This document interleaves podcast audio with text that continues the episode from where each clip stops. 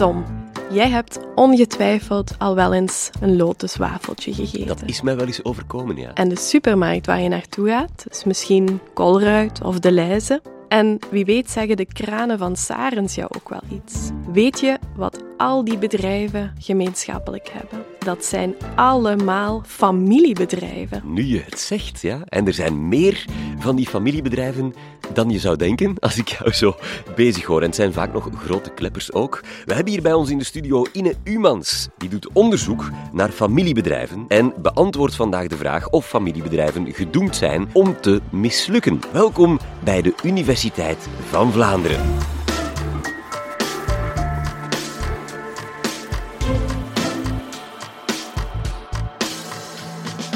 Professor Umans, welkom. Hoe ben jij bij het familiebedrijf als onderzoeksdomein terechtgekomen? Zat het in de familie? Het zat, het zat niet in de familie, uh, helemaal niet zelfs. Maar in mijn laatste jaren opleiding als uh, handelsingenieur kwam ik te weten dat aan de Universiteit Hasselt er een onderzoeksgroep bestaat die onderzoek doet naar familiebedrijven. En misschien omdat ik daar niks van wist, vond ik dat net super interessant. Want er zijn er inderdaad zoveel en ik wist er gewoon niks over. En nu werk ik dus in die onderzoeksgroep en doe ik onderzoek naar familiebedrijven. Laat ons bij het begin beginnen, professor. Wat is dat nu eigenlijk, een familiebedrijf? Vooraleer ik jou ga uitleggen wat een familiebedrijf nu juist is, zou ik eerst even een stap terug willen nemen en het belang van die familiebedrijven benadrukken. Want familiebedrijven ja, die zijn echt van onschatbare waarde voor onze economie. Want van alle bedrijven in België is minstens 80% een familiebedrijf. Dus dat zijn er superveel. En ja, ze zijn ook gewoon echt de hoeksteen van onze economie. Nu, wat is dat dan nu juist? Een familiebedrijf, je hebt eigenlijk hele vele definities, maar ik geef enkele voorbeelden. Dus enerzijds kan het zijn dat de meerderheid van de aandelen in het bezit zijn van één familie. Dus dat wil eigenlijk zeggen dat die familie het grootste deel van het bedrijf bezit en dus ook veel te zeggen heeft in het bedrijf. Anderzijds kan het ook zo zijn dat er verschillende managers zijn in de familie die in het familiebedrijf zitten. Ook dan heeft de familie veel te zeggen in het bedrijf. En een ander iets wat familiebedrijven typeert, is de wens om het bedrijf door te geven aan een volgende generatie, aan andere familieleden. En dat is waar ik het vandaag graag met jullie over zou hebben. Enkele voorbeelden als je denkt aan de HBO-serie Succession, waar dat de, de vader is ziek en de vier kinderen azen op de troon. Of als je denkt aan de film The Godfather, waarin Vito Corleone de fakkel doorgeeft aan zijn zoon Michael Corleone, maar niet iedereen is daar zo tevreden mee. dus je voelt al aan dat het niet altijd zonder slag of stoot kan gebeuren, zo'n overdracht. En dus de vraag is misschien wel terecht: zijn familiebedrijven gedoemd om te mislukken? Je noemt daar een fictief mediabedrijf en een tak van Italiaanse maffia. uh, maar zijn echte Vlaamse familiebedrijven, zijn die inderdaad gedoemd? Zijn er veel die het niet goed doen? Nu, daar zijn wel wat cijfers over. In eerder wetenschappelijk onderzoek kunnen we lezen dat ongeveer 30% van de familiebedrijven overleeft in een tweede generatie. Dus ja, 70% doet dat dan niet. Wil dat dan zeggen dat die 70% volledig in faling gaan? Nee, dat ook niet, want natuurlijk zijn er ook alternatieven. Als je niet aan je zoon of dochter het bedrijf wil overdragen, kan je ook het familiebedrijf verkopen of iemand buiten de familie aanstellen als CEO. Dus dat kan ook. Maar als echt al die alternatieven mislukken, ja, dan hebben we natuurlijk een probleem. Want ja, de familie leidt daaronder, werknemers ook, maar in principe ook wij als consument. Want wij kunnen dan geen producten of diensten meer afnemen van het bedrijf. En ja, dan hebben wij ook problemen. Ja, denk maar Lutosa, een familiebedrijf dat frietjes verkoopt. Stel dat wij geen frieten meer zouden eten, ja, dan hebben we misschien een nationale crisis. De horror, daar gaan we niet aan denken. We zoomen even in op die 70% waar het dus op een of andere manier misloopt. Hè? Waar, waar we niet in die volgende generatie geraken, waar het bedrijf verdwijnt of uit de familie eh, verdwijnt. Hoe komt het dat die overgang naar die volgende generatie niet lukt daar? Ja, eigenlijk is er maar één groot probleem. En dat is dat die die familiebedrijven zijn niet voorbereid of onvoldoende voorbereid. Dat is echt het grootste probleem. We hebben 500 Vlaamse CEO's daar een enquête over laten invullen. En daarin zagen we ook dat 1 op de 5 van de familiebedrijven die binnen de vijf jaar het bedrijf aan een volgende generatie wil overgeven, dat die gewoon nog niet bezig zijn met enige voorbereiding. En ja, als je niet voorbereid bent, ja, dan kan er van alles mislopen. Hè? Een beetje het failing to plan is planning to fail principe. Nu, je moet denken, in een familiebedrijf zit daar ook nog eens een familiesaus overheen. Dus dat maakt het gewoon nog, nog veel complexer dan dat.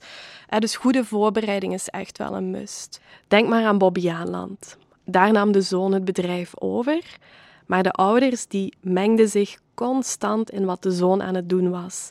Daar waren ook gewoon geen afspraken over gemaakt. Dus die ouders die waren constant aanwezig in het bedrijf, waardoor de zoon het bedrijf ook niet goed kon leiden. En uiteindelijk hebben ze Bobby Anand dan verkocht aan een Spaanse investeringsgroep. Nu, naast van die mislukkingen zijn er ook wel succesverhalen. Als je terugdenkt aan september 2022, daar werd Torfs succesvol overgedragen van CEO Wouter Torfs naar nichtje Lise Konings. En zij hadden echt de voorbereiding van die overdracht uitstekend gedaan. Dus de oplossing ligt voor de hand voor elk luisterend familiebedrijf. Bereid je goed voor. Inderdaad. En het gekke is, dat weten we eigenlijk ook allemaal. Goede voorbereiding is belangrijk. En toch zien we dat dat niet altijd lukt. En dat heeft mij als onderzoeker getriggerd.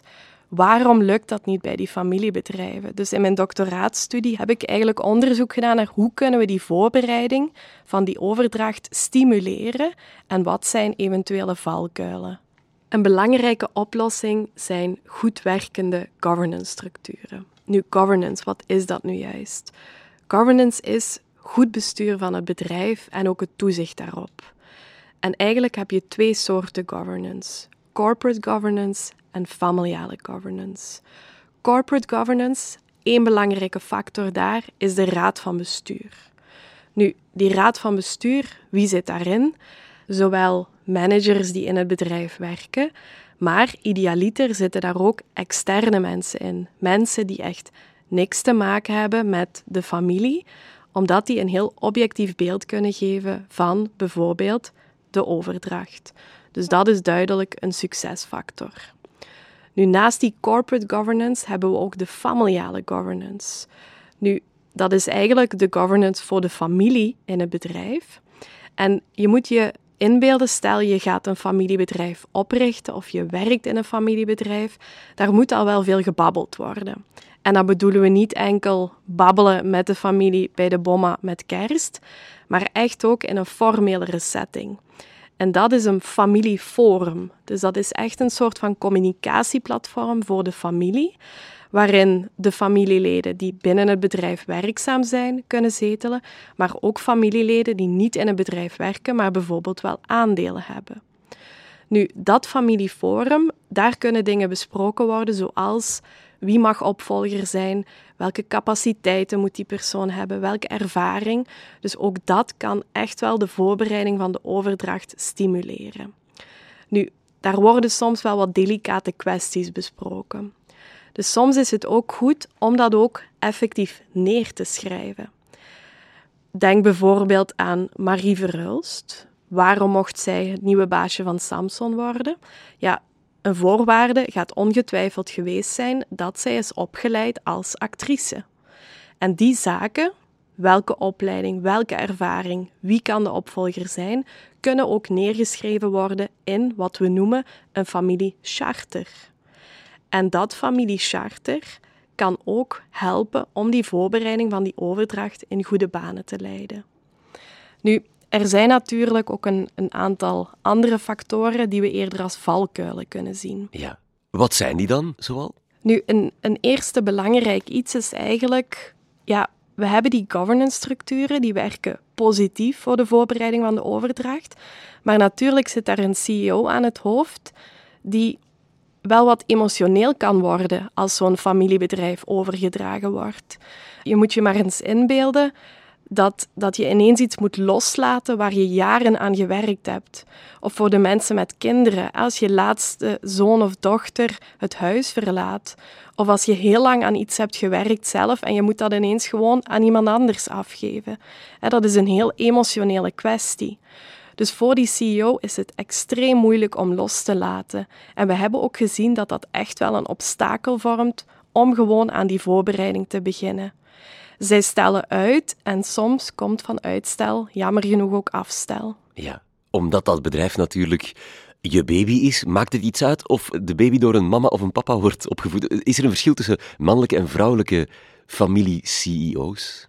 Er is inderdaad een verschil tussen mannelijke en vrouwelijke CEO's. Want ja, we hebben eigenlijk gekeken, oké, als, een, als een vrouwelijke CEO aan het hoofd staat, die gaat die opvolger ondersteunen. Die gaat heel veel communiceren. Die gaat daar echt mee willen samenwerken. Terwijl uit de cijfers blijkt dat mannelijke CEO's zich net wat machtiger opstellen en toch net wat meer moeilijkheden hebben om het familiebedrijf los te laten en de fakkel definitief door te geven aan zoon of dochter. Dus eigenlijk bij een vrouwelijke CEO gaat die voorbereiding van die overdracht net beter verlopen dan als we een mannelijke CEO aan het hoofd hebben. Dus we hebben het gehad over uh, die emoties waar ik nu net over sprak. Een gebrek aan voorbereiding. Zijn dat de belangrijkste factoren eh, waarom het misloopt binnen een familiebedrijf? Uh, toch wel. Hè. Dus wij, die governance-structuren, dat is echt wel een plus. Dat is echt, hè, die stimuleren die voorbereiding. Die emoties remmen, jammer genoeg. Uh, verschil tussen mannen en vrouwen is ook een heel interessant verschil. Als laatste zou ik toch graag ook nog één factor willen benadrukken. En dat is eigenlijk ja, het succes van het familiebedrijf. Want als je bedrijf heel succesvol is, ja, dan denk je ook niet aan het bedrijf over te geven aan een, aan een andere persoon. Denk bijvoorbeeld chef Colruyt. Als hij alleen maar successen boekt, ja, waarom denken aan de troon af te geven aan een volgende? Je houdt dan graag vast aan de status quo, want het loopt eigenlijk goed. Nu, dat is wel gevaarlijk om zo te denken. Hè? Want wat als Jeff ineens ziek wordt? Hè? Dan is er gewoon geen overdrachtsplan en niemand weet wat te doen. Dus ook als je bedrijf heel succesvol is, is het echt wel belangrijk om na te denken over die voorbereiding en er ook echt wel mee te starten. Moet dan de overdracht zelf al plaatsvinden? Zeker niet. Daar is nog wel wat tijd voor. Maar dan is er op zijn minst over nagedacht wat er kan gebeuren als de huidige CEO de troon zal verlaten. Laat ons nog eens teruggaan naar onze vraag van het begin. Zijn familiebedrijven in Vlaanderen gedoemd om te mislukken? Ik denk dat iedereen het antwoord al, al weet ondertussen. Zijn familiebedrijven gedoemd om te mislukken? Zeker niet. Maar een goede voorbereiding van zo'n overdracht is echt wel een must. Dus ik denk dat we gewoon met z'n allen moeten promoten dat zeker oudere CEO's bezig moeten zijn met die voorbereiding van die overdracht, just in case kwestie dat ook onze voorraad frietjes gegarandeerd blijft. Dus we kunnen misschien beginnen met Lutosa. dat, dat, is echt van cruciaal belang. Dankjewel, professor Umans. Een goede voorbereiding is dus cruciaal. Dat is in alle levensdomeinen zo, dat onthouden. Wil je graag weten hoe je begint aan een succesvolle onderneming? Dat legt professor Pieter van de Kerkhof je graag uit in aflevering 425 van deze podcastreeks. Heel graag tot daar of tot een volgende keer.